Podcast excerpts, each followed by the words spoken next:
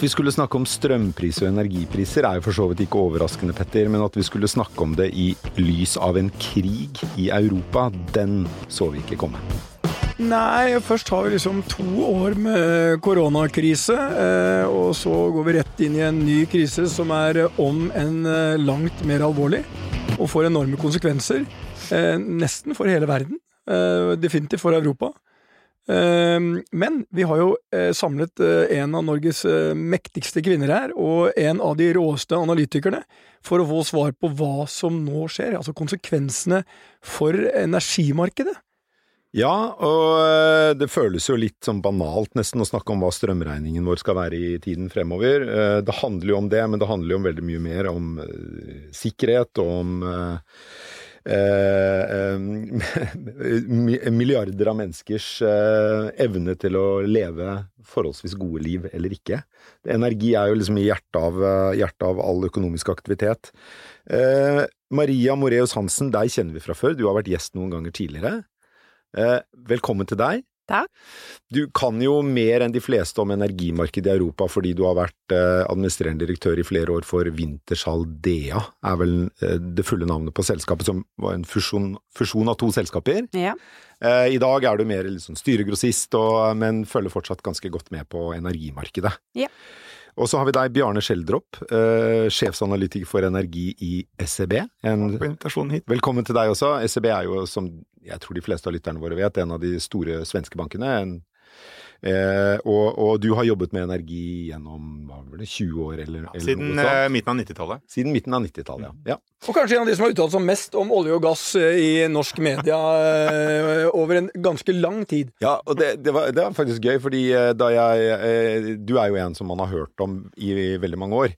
Men jeg la ekstra merke til deg noen dager etter krigen i Ukraina begynte, da du satt på en litt sånn så ut som en gammel seter i en slags busserull på NRK og uttalte det, og det var veldig atypisk en analytiker i en investeringsbank, så det var, eh, det var gøy. Ja, det er den gamle hytta på Tynset som ble bygget av min morfar i 1938. Er det det, ja? Mm. Men det er ikke sikkert at analysene blir dårligere selv om du sitter der i busserullen. vet du. Det er Nei. ikke dressen som gjør uh, vet, vet du hva, jeg tror Men jeg ser på jeg... deg nå, så, så, så, man skal ikke skue hunden på hårene. Jeg tror analysen blir bedre fra en gammel hytte på Tynset enn en eh, ski-in, ski-out-palass på Norefjell. Ja, og da går vi videre. For øvrig på Hafjell. Det er ikke palass. Ja, og jeg, jeg, nå snakket jeg ikke om deg, men eh, Nei, jeg, følte meg, jeg, følte, jeg følte meg truffet. Det var den ski-in, ski-out-greien. Eller mer afterski. Ja. Ok, men uh, dere. Uh, krigen i Ukraina uh, har jo mange forferdelige konsekvenser. En av de mer problematiske for Europas og USAs håndtering av krigen er jo særlig Europas avhengighet av russisk gass. Jeg mener du har hørt at russisk gass står for omtrent 40% av Europas samlede behov for gass. Eh, og det er jo lettere sagt enn gjort å si at man skal straffe Russland ved å skru av eh, fire av ti eh, Eh, energikilder eh, over natten. Eh, Bjarne, er det i det hele tatt mulig å se for seg, vi starter med det, er det mulig å se for seg at man kan boikotte russisk olje og gass fullstendig? Nei, altså da blir det energisult i Europa. Og, og, det har vi jo allerede nå. Altså Hvis vi ser på gassprisene, så, så, er jo da prisen på gass den er jo ti ganger normalt nivå. ikke sant? Altså, altså vi, vi, har en, en gasspris som tilsvarer 60 dollar, nei, 600 dollar per fat oljeekvalent. 600 dollar? Ja, I dag er den 500, altså fluktuerer veldig mye. Men normal pris er jo sånn ca. 40 dollar per fat oljeekvalent, og nå er vi altså på 500. ikke sant? Sånn at vi har fått en tidobling av gassprisene. Hvis vi ser på kraftprisene også på kontinentet, de er også ti ganger så høye som normal i det som kalles wholesale market, da, før skatter og avgifter og transportavgifter og sånt. Da. Mm. Sånn at, sånn at eh, alle konsumenter av energi, være seg privatpersoner eller bedrifter, de må jo bruke store deler av inntekten sin på energi nå. Og, og det, det, komiske med disse, eller det, det tragikomiske med å, å, snakke om energisanksjoner mot Russland, som foreløpig er eh, unntatt sanksjonsregimet, eh, det er jo at ok, la oss si at man klarer å redusere eksporten av energi fra Russland med 50% men så blir prisen dobbelt så høy. Ikke sant? Altså, de har samme inntektene. Da har de samme inntektene. Det eneste du oppnår, er å da få en, en resesjon i både Europa og globalt. Altså, eh, Russland er jo et enormt svært land. Og, og, naturlig nok har de da også enorme mengder eh, naturressurser. Verdens største korneksportør, for eksempel. Ukraina er nummer to, nei, nummer fem. Ikke sant? Så at de eksporterer jo alt mulig. Så vi ser jo da, det er jo ikke bare oljepris og gasspris og kullprisen går opp, men liksom nikkelpris, de er store nikkelprodusenter. Altså nå hadde vi en, en nikkelpris som er eh, ja, fem-seks x normal. Ikke sant? Det gikk opp til 100 000 eh, dollar per tonn i dag, eh, mot normalt 20 000. Altså, du får mer for nikkel i Teslaen din enn en vrakpanten, ikke sant? Altså, du kan kjøpe deg en Tesla Nå overdriver jeg selvfølgelig, da, ikke sant? Men, men det er nesten, og plukke fra hverandre og selge nikkelet? Selge nikkelet i batteriet, så er det mer verdt enn hele Teslaen, ikke sant? Så nå, selvfølgelig er det en overdrivelse, men, men altså, dette er jo et kjempeproblem for hele elbilindustrien, med nikkelpris som går til 100 000 dollar per tonn, ikke sant? Altså, dette er bare en illustrasjon av hvor enormt svært Russland er som land, og ditto stor råvareeksportør. Ja, ikke sant. Og det, og for, fordi de, og olje- og gassinntektene til Russland utgjør jo alene rundt 50 av Russlands eksportinntekter. Mm. Eh, så de er jo utvilsomt sårbare hvis Vesten skulle finne på å bedrive en slags form for økonomisk harakiri. Ja. Men uh, som du sier, de finner alltid et utløp for salg av den oljen og gassen. Men nå skal vi ikke overdrive altså, å presentere Russland som en økonomisk stormakt her, det er vel å ta vel hardt i, for de er, Nei, det er de jo langt fra. halvparten av Tyskland og ja, ja. mindre enn Italia. Absolutt. Så de er jo en de er, de er jo, Nei, det er de langt fra, men, men som olje- og gassnasjon er de jo en betydelig nasjon. Ja, som eksportør av råvarer er de en elefant. Mm. Men, men med alle de sanksjonene som skjer nå, eh, hvis du hadde sittet i den stillingen eh, du hadde, husker jeg feil om du hadde en av de eierne som nå er boikottet? Ja, det hadde jeg. Friedmann? Friedmann, ja. ja. Så jeg, altså jeg, var jo sjef i et oljeselskap som var 100 eid av Letter One. Og Fridman er den største eieren av Letter One, og to av de største eierne, Fridman og en annen, er jo nå sanksjonert. Uh, Letter One er dette investeringsfondet Selskapet deres, hans, ikke sant? Ikke sant? Hva vil det ha betydning for Wintershall? Altså, det Wintershall det DA har gjort, er jo ikke sant? Men dette er jo Det blir jo veldig sånn juridisk, fordi at uh, det uh, Friedmann har gjort, er jo å gi fra seg kontrollen i Letter One. Og så er da Letter One i seg selv, altså investeringsselskapet, ikke sanksjonert. Og det betyr jo at Winters Aldea, som har Letter One som en 35% eier, kan betale utbytter osv. Okay. Så, for det at det ene er jo Altså det eh, vi snakket om nå, er jo det vi egentlig snakker om, og som selvfølgelig skaper veldig mye sånn nyhetsinteresse, er jo dagsprisen. Men så er det sånn at de fleste betaler jo ikke dagsprisen, det finnes jo lange kontrakter her, og så videre. Uh, og så er det jo da for eksempel, kan man jo tenke seg at uh, du er et utility-selskap eller energiselskap i Europa, og så har du solgt uh, strømmen din, som du genererer fra gasskraftverk, til kunder på en fast pris. Og så sitter du åpent i markedet, og så møter du en helt annen pris, mm. og da må du jo begynne å dekke tapene dine, altså margin calls og så videre.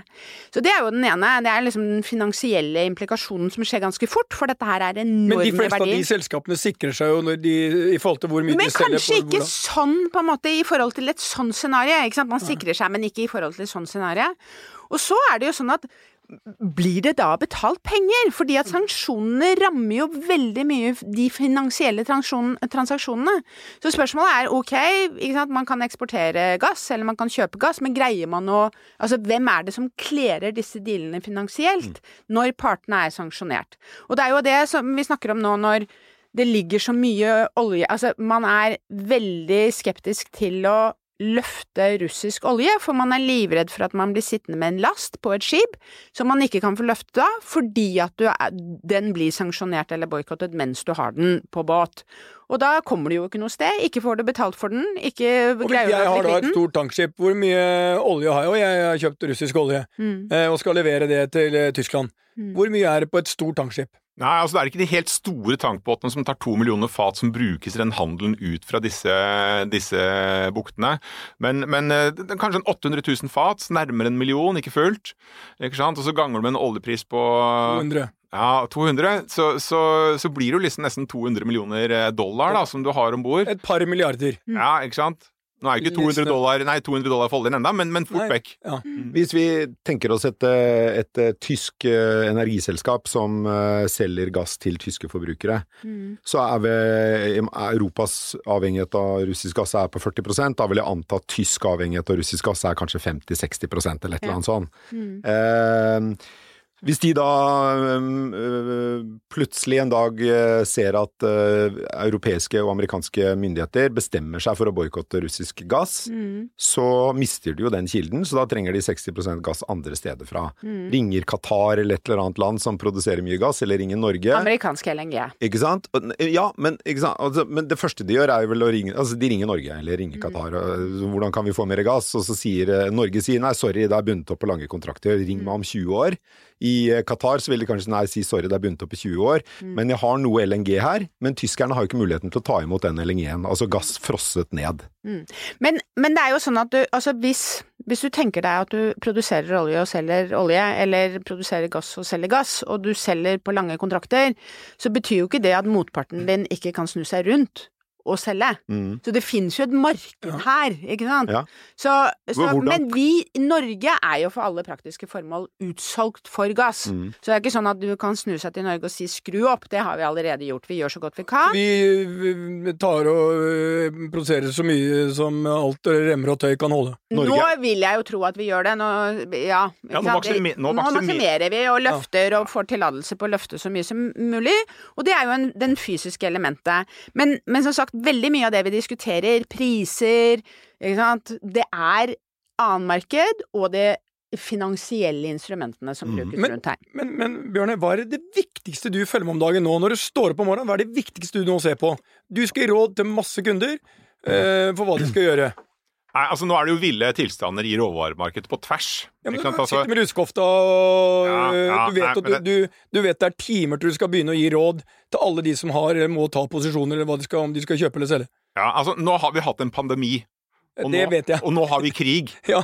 det, altså, ikke sant? Hvis vi skal virkelig gå bibelsk til verks her, så er det hungersnød det neste. ikke sant? Så at En av de tingene som jeg ser veldig mye på, det er jo eh, kornprisene.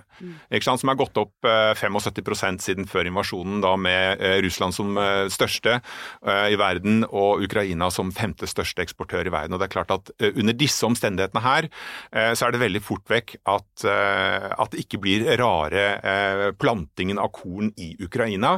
Og Vi ser jo også at all handel av korn ut av Ukraina, den har jo stoppet helt opp. Så alle de som normalt sett kjøper fysiske laster i Svartehavet fra Ukraina, og eventuelt via eh, Ukraina fra Russland, de går jo nå tomhendt og henvender seg da til Nord-Amerika. Det er tre store eksporthuber i verden. Nord-Amerika, Svartehavsregionen og så er det Australia. Det er liksom de tre bread baskets sant, i verden. Og, og, nå står vi altså i en situasjon hvor, hvor, eh, hvor vi plutselig hvert fall for øyeblikket mister tilgangen til eh, femte største i verden, med stor risiko for at det blir en dårlig avling der. Og I tillegg så ser vi også at, at eh, naturgassprisene, som da er type ti ganger eh, høyere enn normalt, bruker masse naturgass for å lage kunstgjødsel.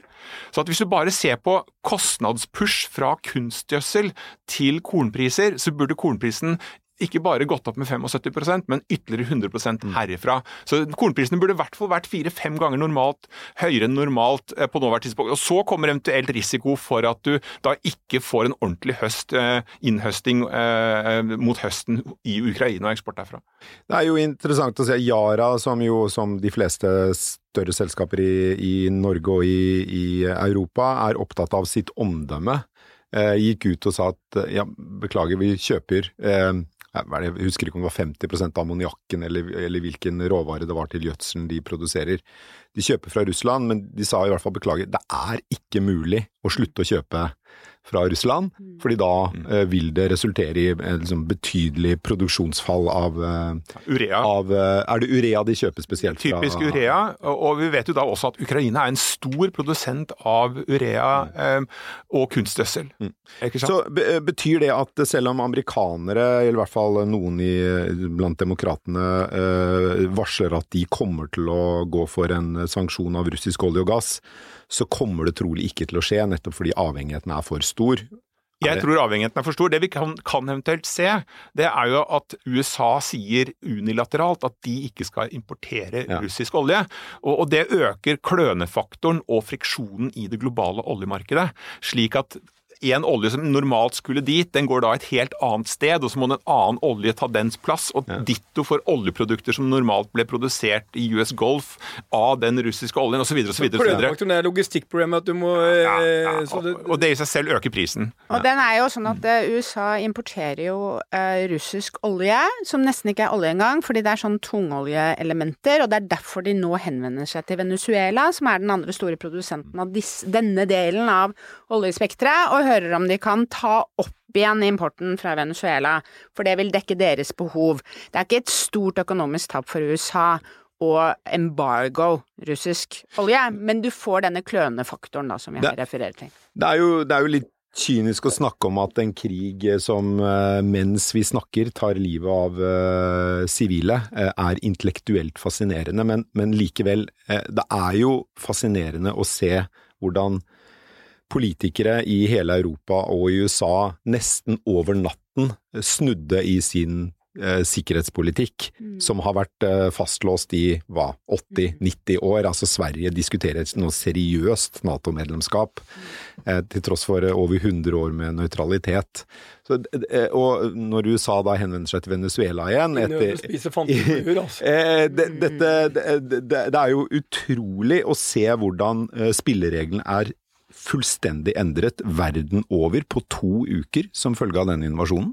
Men, men eh, jeg, på begynnelsen, eh, når dette liksom tiltok og, eh, og, vi så hva som skjedde, sant, så var det jo veldig mye sånn at norske myndigheter, myndighetspersoner, går ut og sier at men vi har kutyme i Norge for å agere sånn og sånn.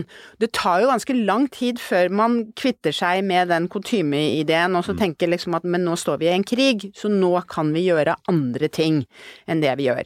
Men, men i forlengelsen av det du sier, eh, når jeg har snakket om denne krigen, krigssituasjonen, eh, tidligere, så sier jeg det er jo to veldig positive ting å se. Det ene er jo den fantastiske lederskapet som utvises i Ukraina. Som man, ikke sant, altså det er jo flott å se en helt, eh, som liksom folk ser på som en helt. Eh, og, og, hva han har greid å mobilisere. Jeg tror han personlig, med sitt lederskap, er en av grunnene til at Vesten mobiliserer sånn som vi gjør, mm. på en måte som vi trodde vi ikke skulle gjøre.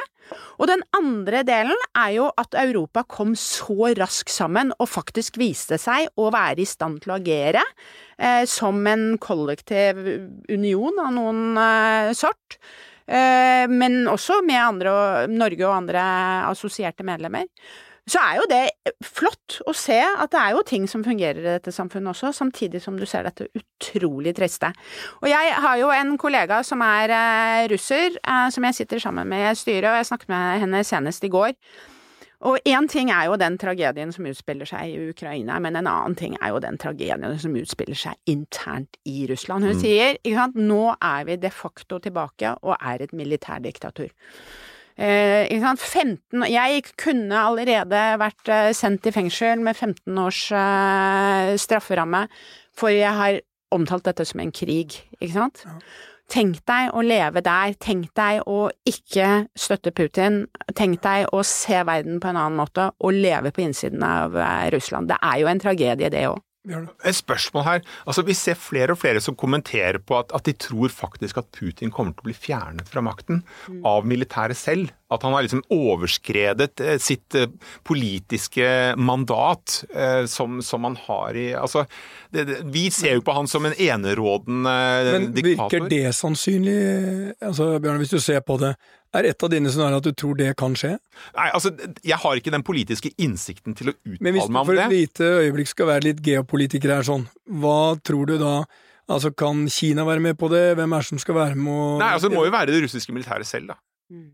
Altså så forsvarssjefen eller en av de ja, altså tar Militæret som bare sier at øh, han Nå har vi en, en, øh, en, øh, person ved makten som på en måte langt overskrider eh, sitt mandat, og mandatet uttales typisk til å være hold eh, stabilitet i det russiske samfunnet, og nå er det total destabilisering og, og ødeleggelse av formuen til fryktelig mange mennesker. Ehm, så, så, jeg vet ikke, jeg bare tenkte det var interessant mm. å høre om du hadde noen, noen altså, jeg, men, men, igjen, altså dette her, nå snakker vi om veldig store problemstillinger som jeg absolutt ikke er eh, ekspert på, så man skal jo tilnærme seg dette her med stor ydmykhet. Men min forståelse eh, fra de jeg snakker med som kanskje kjenner Russland bedre, men også når man leser i media, det er jo at dette var Putin og de militærets grep. Eh, det er jo mange som sier at disse oligarkene neppe var helt med på dette scenarioet som nå utspiller seg, og at Putin var blitt fortalt av militæret at dette skulle bli en blitskrig, ikke sant, dette skulle skje raskt. Og jeg tror også at vi i Europa faktisk trodde det, hvis jeg skal forsøke å være litt sånn kollektiv. Vi trodde ja, det kan godt være at det blir krig i Ukraina, det kan godt være at Russland går inn, men dette dette scenarioet, denne blodige krigen med heltene i Ukraina og vår moralske mobilisering, det tror jeg faktisk ikke at vi så for oss. Så her er vi nok i, ute og jobber i et scenario som ikke var eh, vi ikke var så veldig forberedt på. ikke vi og ikke Putin. Ikke vi og ikke Putin. Men, men hvis man tenker eh, Russlands erfaring med demokrati eh, og måler den uh, som et døgn, så er jo deres demokratiske erfaring kan knapt måles i sekunder engang gjennom historien. De har jo knapt opplevd reelt demokrati i sin historie. Eh, og det har vært mer vanskjøttede regimer enn det Putin eh, står for nå. og så det, det, jeg, jeg, tror det, jeg, tror selv de som er Russland-eksperter, syns det er helt umulig å spå hva som vil bli utfallet av denne krigen, men det har jo i hvert fall belyst en en, en hær som definitivt ikke har klart å levere opp til det de åpenbart trodde de skulle få til da, i løpet av de første dagene av krigen. Jeg, så den går jo veldig dårlig. Ja, tror, men det betyr jo ikke det Jeg tror det Maria er innom, er det, det som har eh, overrasket mest. Det er at uh, man hadde liksom sett Afghanistan som datt uh, på et kvarter. Så ser man plutselig et land uh, som virkelig liksom reiser seg, og jeg tror også det er veldig mye. presidenten er fortsatt i Kiev. Han var seinest på nyhetene i dag med direktesendinger fra kontoret sitt, og han flykter ikke, han er der. Eh, og jeg tror det Og da har du 40 millioner mennesker som mobiliserer. Mm. Og ja, det er, sikkert, det er noen millioner som forlater landet, men det er veldig mange som blir der. Mm. Og er, jeg tror det der har eh, det der, jeg, jeg, ser ikke helt utgangen hvis ikke Kina eller noen av de andre store kommer på banen. Og jeg vet ikke, Bjørnar, hvor er i det hele tatt et mulig scenario hvis du ser Russlands økonomi, hvis de får boikott av olje og gass? Hvor, er ikke det en ganske langvarig sak før det får konsekvenser? De vil jo få solgt andre steder? Ja, de vil få solgt en del, men det er jo for eksempel, hvis du ser på gassen, da, så går jo store deler av gassen I rør. På, i rør. Ja. Så den havner nødvendigvis i Europa, og så har du én rørledning som går til Asia. Ja. Så, så, du klarer ikke å, å, å, å, omdirigere den gassen til et annet sted. Så den konsumeres her eller ikke i det hele tatt. Um, og, og, når det gjelder oljen, så har du jo også mye olje som går på forskjellige rørledninger. F.eks. den der Druzjba-rørledningen som tar eh, mellom 1 og 2 millioner fat per dag. Den går jo da til en havn, og hvis den havnen i vestlige delen av Europa eller i Tyrkia liksom får sanksjoner mot seg, så får den på en måte ikke ut i, i markedet. Så da stopper det opp. Men det er klart at, at, det er mye annen olje som de kan få ut, så du klarer ikke å stoppe alt. Men de har produsert 7 millioner eh... Nei, de produserer 10-11, og så eksporterer eksporterer de syv inklusive oljeprodukter. Ja. Det er store raffinatører, som, at vi konsumerer jo masse diesel f.eks. fra Russland, som de har kjørt gjennom raffineriene hos seg. Så, så, jeg tenker jo sånn at eh, jeg tror ikke det er oljesanksjoner som vil være det som på en måte tvinger fram eh, en, en endret tanke hos, eh, hos Putin. Eh, altså Det må vel være en eller annen kombinasjon av at Kina presser på, for det, Kina er jo nå egentlig Putins eneste allierte. Mm. Um, og, og, kanskje i kombinasjon med at Ukraina sier at de skal være nøytrale, f.eks., som er et av kravene til, eh, til Putin. Eh, men i hvert fall det som er helt klart, er at, at Putin har tapt mediekrigen her. Han tvinges til å være blodig, han tvinges til å ødelegge et land som han sier er Russlands broderfolk. Så Det skjærer nok hjertet for, for eh, samtlige russere at, at, Putin går fram sånn og tvinges til å gjøre det. Um, men, men, jeg tenker sånn, Én ting er på en måte den økonomiske smerten på kort sikt som, som, Russland nå opplever, men det er jo mye verre på mellomlang og lang sikt. Og, og det ser vi jo nå at, at så, som aldri før så har jo nå verden og Europa et våpen i den kalde krigen, varmekrigen, den energikrigen, og det er fornybar energi. Er, aldri har det vært billigere å produsere fornybar energi, og det kommer til å produseres i bøtter og spann for å komme bort fra russisk energiavhengighet. Og det er en dårlig framtid for Russland. Det er bra du drar oss over på dette, Bjarne. fordi dette er jo en, en fin måte å liksom eh, øh, se på de langsiktige altså fordi Russland, nei, Tyskland har jo på en måte de har eh, outsourcet sikkerhetspolitikken sin til USA, og så har de outsourcet energitilgangen sin til, til Russland, ikke sant? Og, og, nå gjør de noe med begge deler. Eh, og på energitilgangen eh, Nå diskuteres det jo at man ikke skal stenge ned atomkraftverkene i Tyskland likevel, de to som er, fremdeles er i drift. Og, eh, og, Tyskland har jo vært tidlig med å subsidiere eh, fornybare kilder for å gjøre dem mhm. forhåpentligvis lønnsomme over tid. Vil vi se på tvers av Europa og USA en intensivert innsats på fornybare energikilder, og i så fall hvilken kilde? Ja, altså jeg, ja, ja. Svaret er ja. Men jeg tror ikke bare det, ikke sant. Det ene er at uh, altså på mellomlang sikt, eller så, så, kommer jo dette til å insentivere og intensivere uh, uh, investeringene i fornybar energi, og tanken er å gjøre seg mindre avhengig av russisk energi. Og det er jo det man ser, ikke sant, Tyskland er ute og snakker om osv.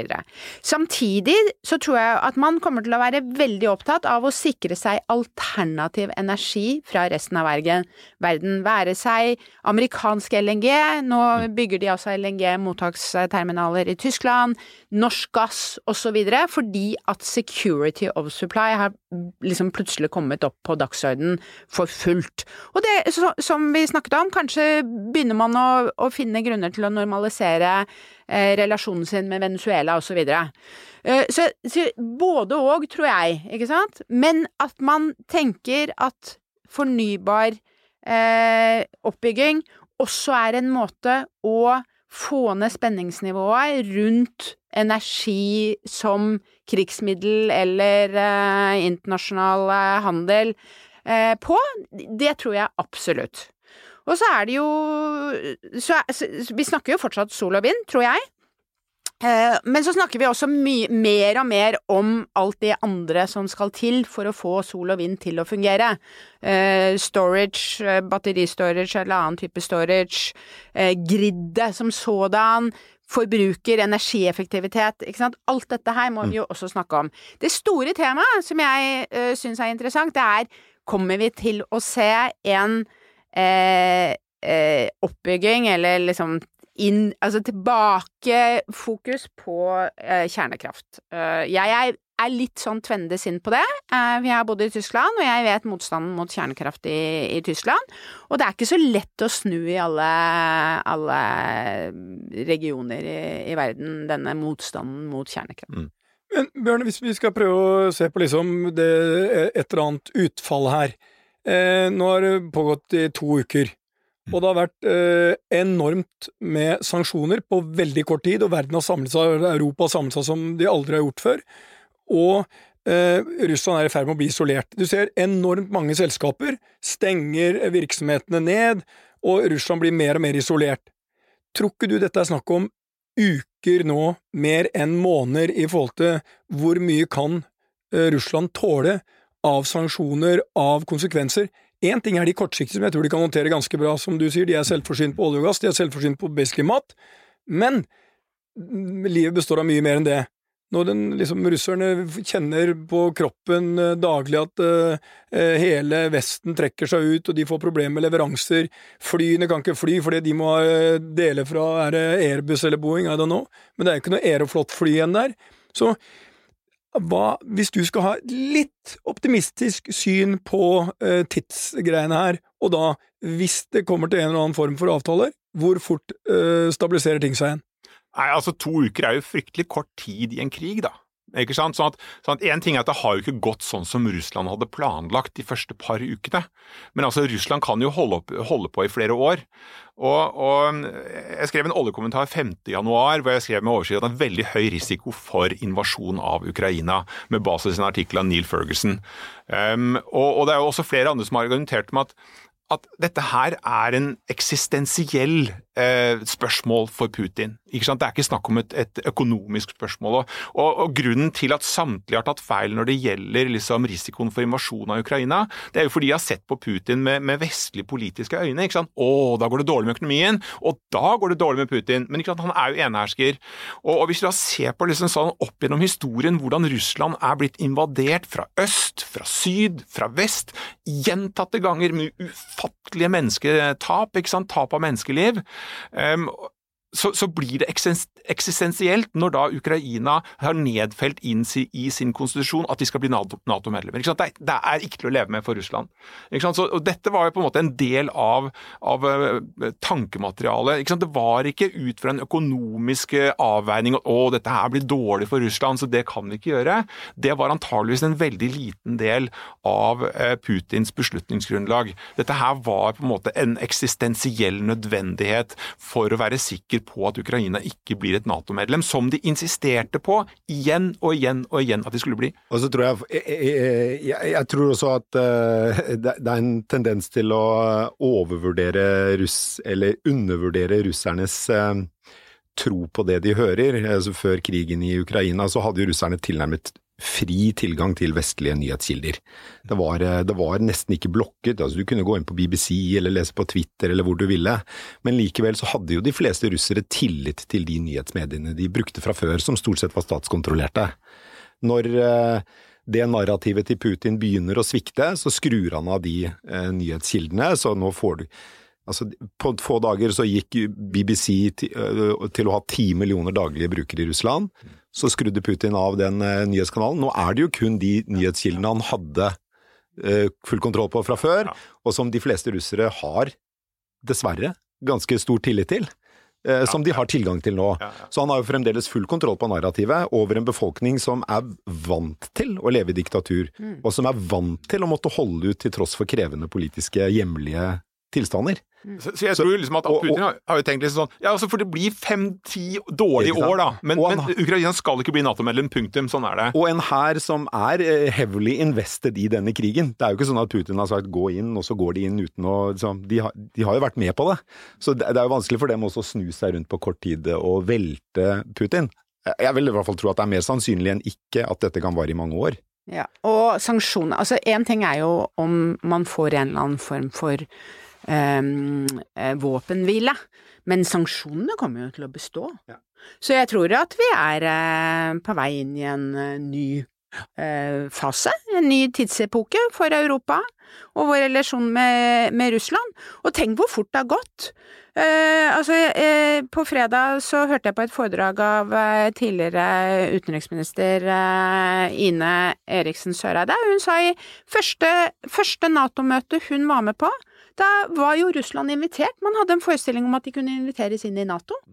Så kommer eh, Krim-krisen, ikke sant, og så endret det narrativet seg. Men eh, eh, for eksempel da jeg eh, hadde møter med Michael Friedmann i, i, Hamburg, så var det jo fordi at vi skulle besøke Olav Schultz og diskutere, ikke sant. Og nå er han Dagens eh, forbundskansler ja, i Tyskland? Dagens forbundskansler. Da var han eh, ordfører i Hamburg, og hadde, da hadde vi altså da alminnelige forretningsdiskusjoner. Så så det, går jo så fort. Jeg var jo overrasket som, som, nordmann over å se hvor integrert russisk gass, russiske olje- og gasselskaper, var i Tysklands energiindustri, da. Eh, fordi vi har vært noe mer restriktive i Norge, men allikevel, altså, vi, vi, her, vi, snakker jo om en enorm endring i hele det energibildet i Europa, hvis Russland kommer til å være fienden og en de facto ikke-samarbeidspartner. Det er jo kalde krigen to, dette her. Mm. Altså, Jernteppet eh, raser jo ned her. Og det blir en kamp om hvor grensen skal stå mellom russisk eh, innflytelse og vestlig innflytelse, helt klart. Så, men tilbake til dette med energikrigen, som jeg syns er veldig spennende. Og, og, og Vi har jo snakket mye om offshore vind i Norge, men vi gjør jo fryktelig lite. ikke sant? Mens det er jo en revolusjon på offshore vind i resten av verden, eh, og ikke minst i, eh, i UK. ikke sant? Og alle de som er involvert eh, i dette apparatet, de sier liksom sånn det er en tragedie. Det skjer jo egentlig ingenting i Norge. Og og, nå er vi liksom sånn, Hvis vi tenker på det politiske energitriangelet, så er det, det er pris, det er miljø, og det er eh, forsyningssikkerhet. Og, og, så har vi lenge bare fokusert på miljø, ikke sant? mens nå er det bare pris og forsyningssikkerhet. Mm. Og, og, når det er klart at, at når, når, energi nærmest kommer inn under forsvarsbudsjettet, ikke sant? altså det å være avhengig av Russland blir en umulighet, så, så blir jo betalingsviljen veldig mye større. Og dette skal skje fort, og vi skal bort fra russisk energiavhengighet. Og, og da har vi dette her eh, fantastiske, eh, det er at Norge har ufattelige havvindressurser. Altså Vi kunne eksportere mer havvindenergi enn vi i dag eksporterer olje og gass. Når man tar høyde for eh, at man taper mye energi når man brenner olje og gass, som bare går bort i eh, forspilt varme. Ikke sant? Så, så at, nå har vi en situasjon hvor antageligvis politikerne i EU sier ok, vi trenger det. Hvem har det? Jo, Norge har dere. Vil dere bygge det? Så sier Norge ja, gjerne det men dette er prisen. Og det blir en 30-årskontrakt. Og så sier vi Europa flott, da legger vi de pengene på bordet, og så bygger dere det, og så betaler vi den prisen neste 30 årene, og så er vi i boks. Det er jo det er jo noe vi kan se at det blir en debatt i Norge fremover om å bygge ut mer av norsk sokkel likevel. Eh, ja, på olje og gass, tenker du? På olje og gass, ja. Ja, det, det også. Det, ja, og, og, kanskje også havvind, at det får mer fart. Men, eh, men at det blir mer fossile eh, drivstoffkilder fra, fra, Norge til Europa, det, det Men uansett, det scenarioet, Bjørn, det kommer til å ta tid. Det kommer til å ta tid. Ja, Men se hvor fort ting går, da. Selvfølgelig tar det tid å bygge det. Men de politiske beslutningene kan ja. gå fort. Klima for å ta men, de hvor, hvor, lang tid bruker man på å kompensere det som da er basically 7% av markedet på olje som russerne står for? Hvor lang tid bruker man på å kompensere det? Hvis de må. Nei, altså jeg, jeg tror sånn som det vi ser nå altså Nå, nå er det som, som sagt Miljø er ikke fokus. Nå skal man brenne søppel, gamle bildekk, man skal brenne kull herfra til evigheten bare for å kvitte seg med, med gassimport, og så tar vi miljø i morgen. Akkurat nå er det kaldkrig, varmkrig, energikrig. Så da er det det som betyr noe. Selvfølgelig ordner vi miljøet, og det er klart at denne Vi vet at eh, fornybar energi kommer til å stå sentralt i denne bevegelsen bort fra russisk eh, fossil energi, så den akselerasjonen kommer til å bli enda mye kraftigere enn det vi hadde sett for oss. Men det er, Dette kan være bra i forhold til siste rapporten fra IPCC. Absolutt. Jeg er overbevist om det. Du er optimist, du. Ja, men i kortebildet så kommer vi til å brenne utfattelig mye kull. Ja. Når, når, Europa skal ha all gassen i markedet, så må Asia brenne mer kull. Så vi kommer til å brenne mer kull i Asia, vi kommer til å brenne, brenne mer kull i Europa. Eh, og gamle bildekk, som sagt, og søppel og hva det måtte være. Og kullprisen er på 400 dollar per tonn, og har alltid pleid å være mellom 50 og 100. Ikke sant? Så, så du dårlig, ser det på kull altså. Så dårlig for klimaet på kort sikt, men forhåpentligvis bra for klimaet på lang sikt. Supert. Og det, og det er den pris. Det er det samme som prissensitivitet. Prisen opp, selvfølgelig, så både sparer vi mer energi, og vi kommer til å tenke mye mer fornybar. Det jeg er helt sikker på, er at uh, vi kommer ikke til å snakke for siste gang om energitilgang, Petter. Det, det er helt sikkert.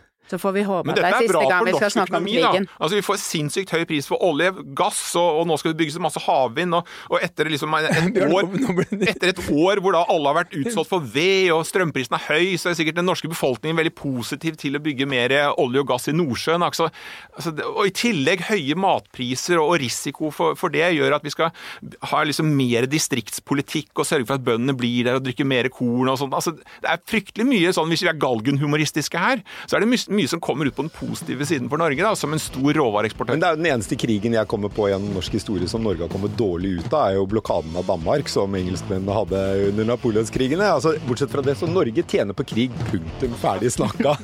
Tusen takk skal dere ha, Bjarne Skjeldrup og Maria Moreus Hansen. Takk. takk.